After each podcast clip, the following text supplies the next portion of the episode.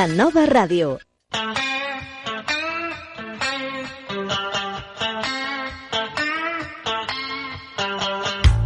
La nova ràdio de Reus conversa amb els artistes del cicle Biblioteca Chill Out amb els nostres músics de les biblioteques municipals de Reus que aquest estiu té lloc a la Biblioteca Central Xavier Morós, un espai conduït per Jordi Sogranyes.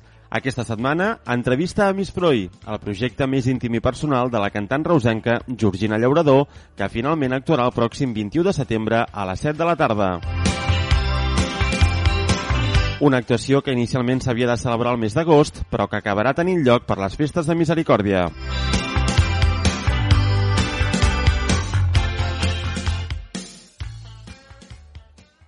Hola, bon dia. Aquest és el segon dels dos programes de ràdio d'aquest agost del 2020 que dediquem al chill out amb els nostres músics, un cicle de dos concerts que s'està duent a terme a la Biblioteca Xavier Morós de Reus, situada al carrer eh, de l'Escorxador número 1.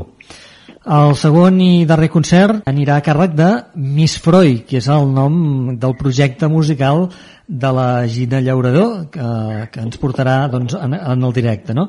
Sigueu benvinguts a aquest espai de ràdio, aquí a la nova ràdio, us parla el Jordi Sugranyes i avui conversem amb la Gina Llaurador. Benvinguts. Uh, Hola, bona tarda.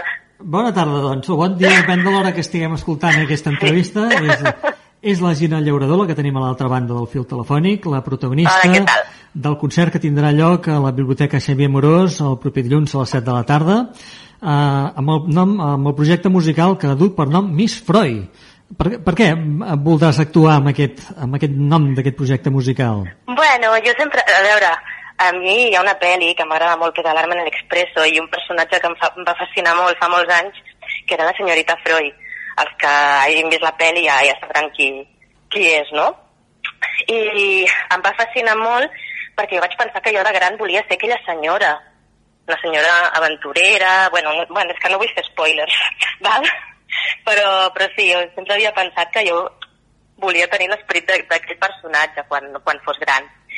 I, I és una cosa que va molt amb mi i és una cosa molt, com molt íntima meva, saps? Uh, la fixació amb aquest, amb aquest personatge. I,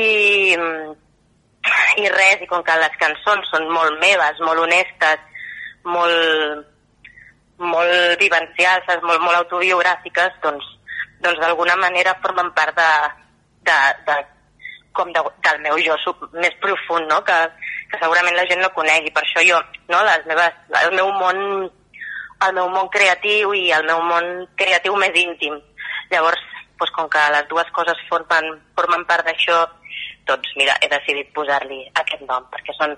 Jo sempre sí que he fet coses meves i sí que, sí que sóc creadora, però és la primera vegada que, que, de fet és el primer concert amb les meves cançons que faré, que faré en públic, llavors és, bueno, mostraré un altre, un altre vessant, un altre vessant meva. Per això el, eh, sempre havia pensat que si les feia en directe les faria, eh, seria com el meu alter ego, no? Miss Freud, que és com un alter ego super, super íntim i, i molt, molt personal. En aquest, en aquest directe, que seran aquestes, eh, totes les cançons seran pròpies o bé també faràs alguna versió d'algun altre intèrpret? Farem dos versions. Farem dos versions, però, però totes les cançons són meves. Sí, sí. O sigui, comptarem... No diré, quina, no, no, no diré quines versions són. Però sí que comptarem amb Avui i L'Andana, que són les dues cançons que vas estrenar el 17, el 17 d'abril en, aquell, en aquell concert online. Et volíem preguntar sí. pel, pel, pel directe d'aquest dilluns. Eh, t'acompanyarà uh -huh. algú, algun músic t'acompanyarà, no? Sí, sí, sí, sí. M'acompanyarà un musicazo, que és el, el guitarrista Alex Reixac, i, bueno, és un màster. Jo anava, anava a dir, no patiu que la guitarra no la tocaré jo, perquè a mi la guitarra és un, és un instrument que em fa molta il·lusió tocar, però no és el meu, diguem. Llavors, eh, m'acompanya ell, que, bueno, és, és, bueno, és, és el Nova Mas. És, és genial, o sigui, tocar amb ell, assajar aquests dies amb ell ha estat una meravella, una meravella, perquè de cop les cançons agafen una, una, una altra dimensió i és molt emocionant. En, en, en aquest cicle de chill out amb els nostres músics, eh, que se'ls uh -huh. demana als, als intèrprets, als músics que, que hi toquen és pels seus referents musicals i literaris, no? És a dir, t'ho hem preguntat aquests dies, però m'agradaria que ens ara, eh, que ara també ens fessis uns 5 cèntims de quins són els teus referents musicals i, i sobretot els literaris. Uh -huh. Val, doncs uh, els meus referents musicals són super variats. Clar, jo, jo he crescut escoltant música molt diferent.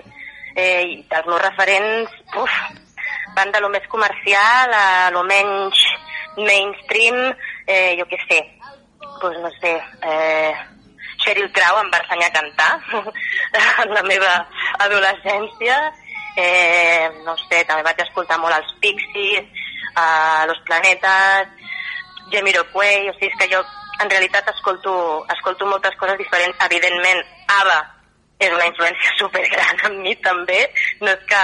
No, perquè evidentment jo vaig estar 4 anys treballant en un musical que, en el que cantava cançons d'ABBA i, i, i, enca, i encara que estigui sense voler és segur que, que, que hi és a dins de, de les cançons. Eh, I és que, no sé, molt, molt, moltes influències, des de lo més dolç a lo més punk he escoltat molta música, jo. Soc molt eclèctica. No sé, Fiona Apple també és molt, és molt referent. -huh. Ha sortit d'unes setmanes en què has tingut molt...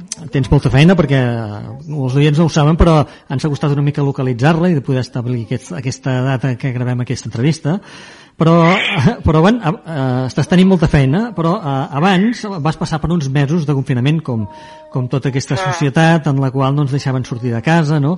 Com, com el vas viure el confinament? Tu vas passar bé? Vas, va ser aprofitar... Ah, hi va haver de tot, hi va haver de tot. Al principi hi havia com aquella... No sé, és estrany dir-ho, no? Perquè realment això ha sacsejat el món i ha sacsejat la societat i hi ha molta gent que ho ha passat molt malament i hi ha gent que ha estat en una guerra durant aquests mesos, no? Jo, no sé, al principi molt estrany perquè bueno, jo, jo vaig estrenar un espectacle el dia 11 de març que, en el que havia estat treballant molts mm, bueno, anava a dir molts mesos, però que en realitat havia estat treballant un any i mig en aquest projecte, que també és, és un espectacle propi que he escrit amb, amb un altre noi i jo, bueno, eh, és un monòleg musical que es diu La volta al món en 80 ties. Vam estrenar el dia 11, després de, molt de molta feina, i el dia 12 ens van tancar el teatre, o sigui que al, al principi va ser un xoc de, bueno, no ens podem creure això que ens està passant ara mateix amb el que ha costat arribar fins aquí, però bueno, tampoc podíem fer res, no? Vull dir, era el que, el que hi havia i ja està, i davant d'una pandèmia mundial és que què has de fer? Pues anar-te'n cap a casa ja està. Eh, després hi va haver com la típica eufòria que li va agafar molta gent, no? De, ui, aprofitaré perquè, per fer, bueno, exercici a casa, bueno, aquella hiperactivitat que ens va agafar a tots i va ser a partir de quan, en principi havien de fer 15 dies això, però va ser molt dur quan ens van dir que estaríem més temps. Tots ens ho imaginàvem, però en el moment en el que ho van dir va ser molt dur. Bueno, no sé, almenys per mi, no? Jo estava confinada sola i per una banda estava molt tranquil·la i venia d'una època de molta activitat eh, i estava descansant, però per l'altra era, era molt estrany tot plegat i realment quan van dir que s'allargava el confinament va ser dur. Però bueno, mm, en els moments durs agafes i fas una videollamada o el que sigui, no? I el dia que vas a comprar és com, buah, és una superalliberació, no? Poder trepitjar el carrer, de cop eh, fas amistat amb, amb la noia que treballa al forn, amb els teus veïns que no coneixies de cop, eh, bueno, ens ha canviat a tots, això. Jo m'he fet un hort, m'he fet un hort a dalt al terrat, bueno, a tots ens ha canviat, a tots ens ha canviat, és un rotllo ara, no?, perquè hi ha una incertesa molt gran, i, bueno, i evidentment la feina, clar, s'atura el món, s'atura la feina, s'atura tot, i, bueno, i cadascú a fer el que pugui, no? No sé, és eh, una barreja, no? Suposo que a tots ens ha passat el mateix, és, una barreja i l'únic que podem desitjar és estar sants i que al nostre voltant tothom estigui sa. Només amb això ja, ja bueno, és tenim de ser molt afortunats. I, i, i, i com va anar? Com, com et van proposar aquella actuació en directe per, uh, organitzat per la, per de Cultura de l'Ajuntament de Reus, aquella primera jornada del festival La Música està a casa, no? Mm. Com, com va anar allò? Doncs pues, pues em va fer molta alegria, la veritat. Em, em, sí, em va fer molta alegria i, i em van trucar de la regidoria i m'ho van demanar i jo mm, vaig estar pensant que què faria, no? perquè tampoc tenia molt de material a casa per treballar i vaig pensar, bueno, si, si realment vols fer aquest concert hauràs de tocar alguna de les teves cançons. Potser ha arribat el moment. I llavors, llavors pues mira, vaig dir que sí i jo mateixa em vaig posar en l'encerrona i ja està. Però és que, saps què passa? Que és, és algo tan íntim que de cop eh, enseny, ensenyar-ho hi ha com un, moltes ganes però també hi ha vertigen. Però va ser molt xulo, va ser molt xulo fer-ho i mostrar-ho. Va ser molt xulo i a més a més va ser molt xulo compartir una estona, no? Perquè, ostres, quan estàs sol, de cop, eh, eh, aquell concert va ser com una finestra a l'exterior super xula de contacte amb el públic, perquè, clar, era un YouTube directe, no? Llavors, eh, la gent responia, veies els aplaudiments, era, era molt, molt, molt bonic estar sol, sola, però a la vegada estar tan acompanyada. Jo suposo que a tots els meus companys que hi van participar els hi va passar el mateix. Va ser, va ser molt bonic, la veritat. Vaig passar molts nervis, també. Però va ser molt, molt, molt bonic. Tot neix, tot neix.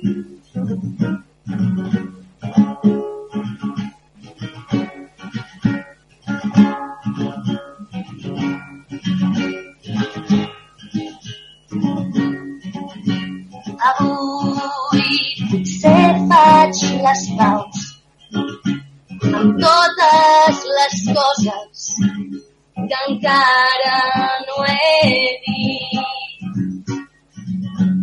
Avui potser tant se val si crema o crema al fons del meu pit.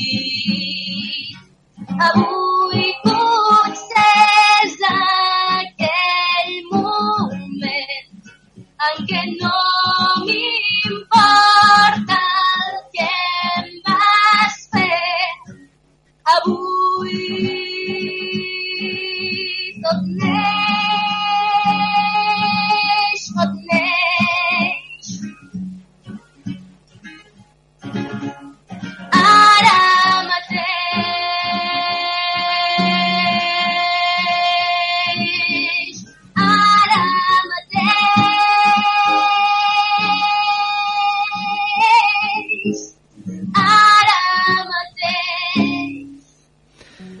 Estem a, estem a la nova ràdio eh, explicant-vos l'actuació de Miss Freud, que serà la, la Gina Llaurador amb, amb el seu guitarrista, no? eh, que és, Ah. que és l'Àlex Reixac, que, que està, ha estat durant molts anys amb els Glaucs. Bueno, està, està. Sí, està, com que no- que com- fem, fem un concert. està, està, està, està encara amb els Glaucs. Sí, sí, està. El, els Glaucs ja tenen a les coristes o encara no?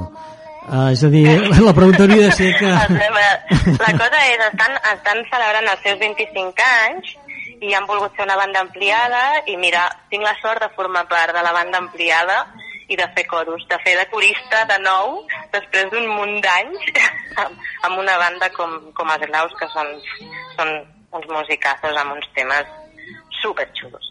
Aquesta hauria d'haver estat una de les preguntes finals, quan et preguntaria pel, pels projectes de futur i, i, i llavors Ahà. hagués sortit, però bé, ja que, ja que ha sortit el tema, doncs, doncs bé, doncs ara ja sabem que la, la Gina Llaurador està a formar part com a corista de la formació de, de Begú o de, ja no sé d'on són els glaus, no? Begú és quan, de Begur, quan, van començar, quan van començar, no?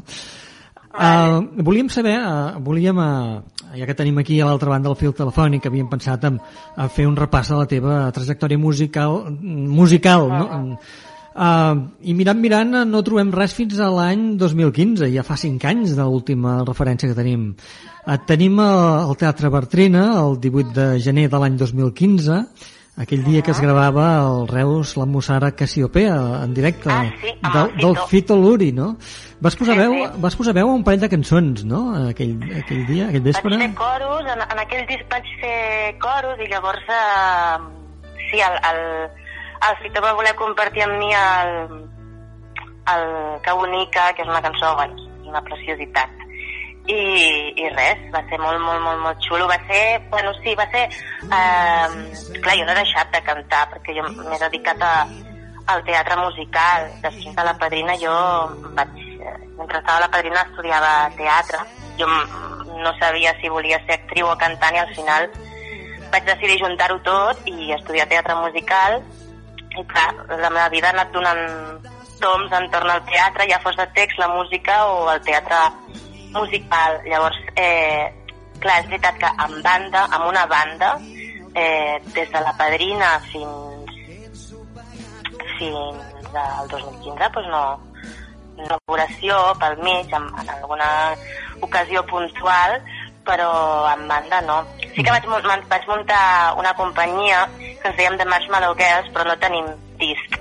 Era una, era una companyia... Era, fèiem concerts teatralitzats i teníem un espectacle preciós que es deia I Got Gershwin amb cançons de, de George Gershwin i bueno, era, érem un trio, un trio de noies que fèiem, i un piano i fèiem, fèiem cançons de George Gershwin i fèiem, fèiem veus. Mhm. Com, És, és més, és el més eh, perquè era tot, era tot cantat, l'espectacle era tot cantat, llavors és com el més eh, proper a, a una banda que he estat després de la Padrina, sí. com, com va ser que el, que el Fito Lourit va fitxar aquell lluny any 2001, era, no? El 2001, la padrina? Com, com, com, va- com va anar... Ostres, Com, això va ser boníssim, això va ser boníssim, això va ser brutal, perquè jo em pensava que...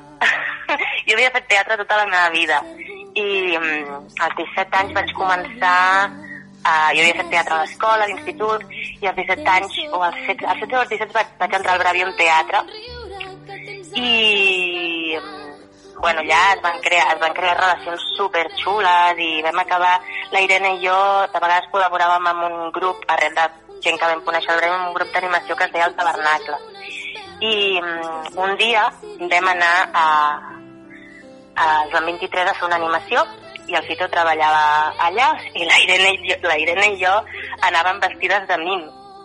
Eh, i fèiem, fèiem, fèiem pantomima i de cop al cap de dos dies, i el Fito estava per allà, i al cap de dos dies, no sé com, no sé d'on devia treure, no sé, i potser li va dir a l'Albert Galzarà, que de vegades també estava pel Bravium, no sé, i em bueno, ens van, em van trucar per telèfon, a mi i a la Irene, perquè que la padrina necessitava coristes, i com que ens van veure treballar, eh, ens, van, ens van dir si volíem anar, fer una prova i això. Llavors jo em vaig pensar, perquè jo en la intimitat cantava, val? però jo mai pensava que jo em podia guanyar la vida cantant. Però a mi m'agradava molt cantar, ho disfrutava, a casa meva sempre m'ha estat molt de cantar, i jo eh, de vegades quan sortíem d'assajar del Bravium ens quedàvem allà al bar i jo cantava, no? I jo em pensava que és que li havien xivat que jo cantava, però no, en realitat, en realitat el que passava era que volien dos noies doncs, que, que, que afinessin, que cantessin bé, però sobretot ens van fitxar per l'energia que transmetíem eh, en aquella animació perquè clar, fèiem de mims en aquella animació. Però és que, no sé, li vam, li vam caure en gràcia, al Tito li, li, li va agradar la nostra energia i va dir, pues aquestes dues noies jo crec que fem-los una, una prova perquè, perquè poden, jo penso que, que et donarien una energia molt xula. I, i mira, ens van fer la prova, van veure que afinàvem i a partir d'aquí ja vam començar a treballar i vam estar, bueno, van ser cinc temporades eren quatre anys, sigui, quatre anys vam estar treballant a la Padrina i va ser xulíssim. Va ser, uah, uah, va ser increïble, molt, molt, molt, molt guai. No, de veritat, he tingut, eh, he estat molt afortunada perquè he format part de, de, de, quan ets artista de vegades formes part de projectes molt, molt, molt bonics i de vegades no tens aquesta sort, però, ostres, jo miro endarrere i penso, ostres, que xulo, no?, haver viscut pues això, no? Aquests eh, cinc anys de padrina, haver estat al Mamma Mia, ostres, estic molt, molt contenta, de veritat.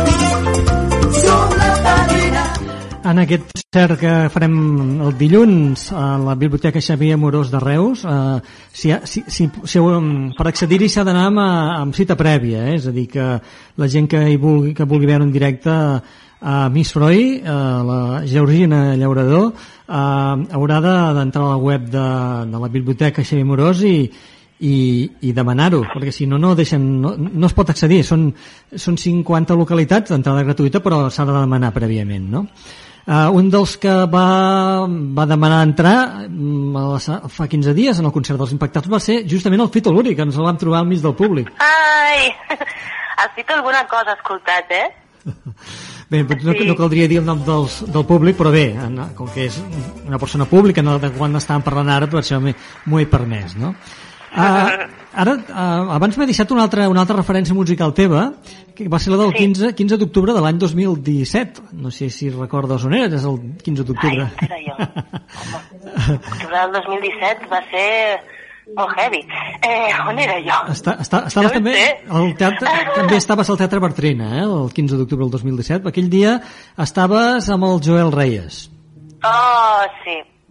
Que xulo, sí, sí, sí. Era un concert del cicle, de, del cicle Accents que es Sí, tractava sí, de sí. fer doncs, un homenatge al Pau Riba, no? També hi havia el Toubab, hi havia el, el Pau González, l'Albert Besora, l'Ariel Santa Maria, la Marta Gar Garcia, Mm. etc. I allí vas fer, vas fer duet amb el, amb el, amb el Joel Reyes.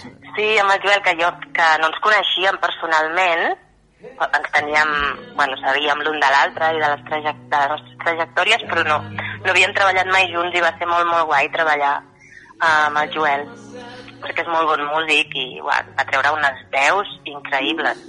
Les dues versions que vam fer les va, les va treure ell, eh? Vull dir, les adaptacions les va fer ell i Uau, uau, va ser un plaer, eh, un altre, un altre musicazo.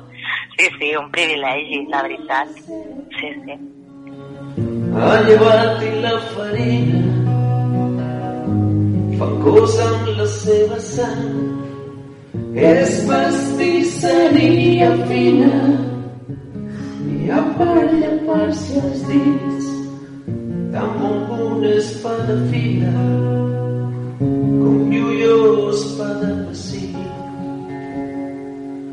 ai ai ai ai menjaria Mare vull menjar. Ella és el primer pa que m'ofera la jornada. Ella em dà venir a gana just abans de l'esmorzar. I resulta que aquell, aquell dia eh, de l'any 2017, aquell 15 d'octubre de l'any 2017, eh, et vaig entrevistar, no sé si ho deus recordar, però està gravat, està gravada una entrevista que ara mateix eh, posarem un, un, un fragment, vaja. aprofitarem. Bona tarda. Què tal? Uh, a la dreta el Joel i a l'esquerra la Georgina, no? Uh, hola. Què tal? Bona tarda. Com Què, estàs? què cantarem avui? Cantarem cançons del Pau Riba i, bueno, farem una cosa molt bonica. Sí, Ja, ja podeu dir-me quina fareu, que això ja ho, ho no, no, no és després. spoiler. Fem torronet, torronet. spoiler, tio. I, I també fem Espallar. espallar que esperar. Ho fareu junts? O... Sí, les, les dues les fem junts, sí. I com ha estat això? Qui, qui us ha agradat? Uh, qui ha estat? El... Bueno, va, ser- va ser l'Isaac. L'Isaac va ser el, bueno, el gestor de tot això i eh, me sembla que el, entre l'Isaac i el Fito van decidir una mica les cançons que faríem i després, bueno, vam fer, jo vaig fer uns arranjaments per canviar una mica les gravacions originals i vaig enredar a la gent i li vaig dir, mira, esto es lo que he hecho, a ver si te gusta. I la veritat I li és va agradar. que és molt bonic el que ha fet. Cada dia, cada dia. No, no, en sèrio, que és molt bonic. Ha, ha pogut escoltar alguna cosa del Pau de tot això? O és... Doncs crec que no. A nosaltres no ens escolta. No. Dormia mentre no. vosaltres feu l'assaig. No, però ha fet una entrevista, però estàvem nosaltres provant per darrere. No, no. Millor que sigui una sorpresa per, per Vale. lo bo i per lo dolent, no? Si no li agrada ja no podrà dir res. Molt bé, doncs eh, esperem a les 6 i comencem. Sí, Ai, a les Perfecte. 7, perdó, i comencem. Sí. Gràcies. I aquí tenim les declaracions doncs, del Joel i, la, i de la Georgina aquell, aquell dia, no? Així, eh...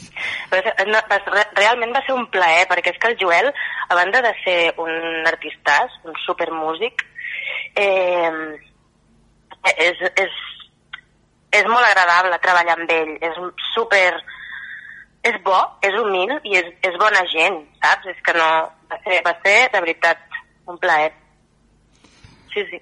Georgina, molt, de, molt contents de tindre't a l'altra banda del fil telefònic per comentar aquest, Un aquest, aquest concert a la Biblioteca Xavier Morós. I bé, Uh-huh. doncs ho haurem de deixar aquí i doncs eh, retrobar-nos el dilluns i, i, que, i que ens vagi bé a tots el, el concert, doncs.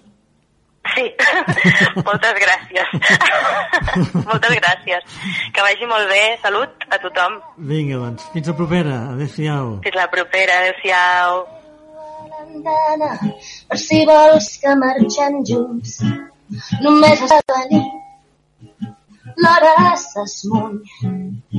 Maleïda campana que m'obliga a marxar lluny, molt lluny, molt lluny, tan lluny que serem tots desconeguts, molt lluny.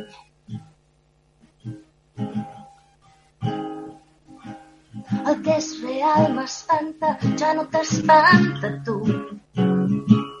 Camino lent i amb rampes i apreto amb força els punys. No hi ets, no hi ets, t'estimo i mil crits fan implosió. Tinc tant de dolor que suplicaria de genolls.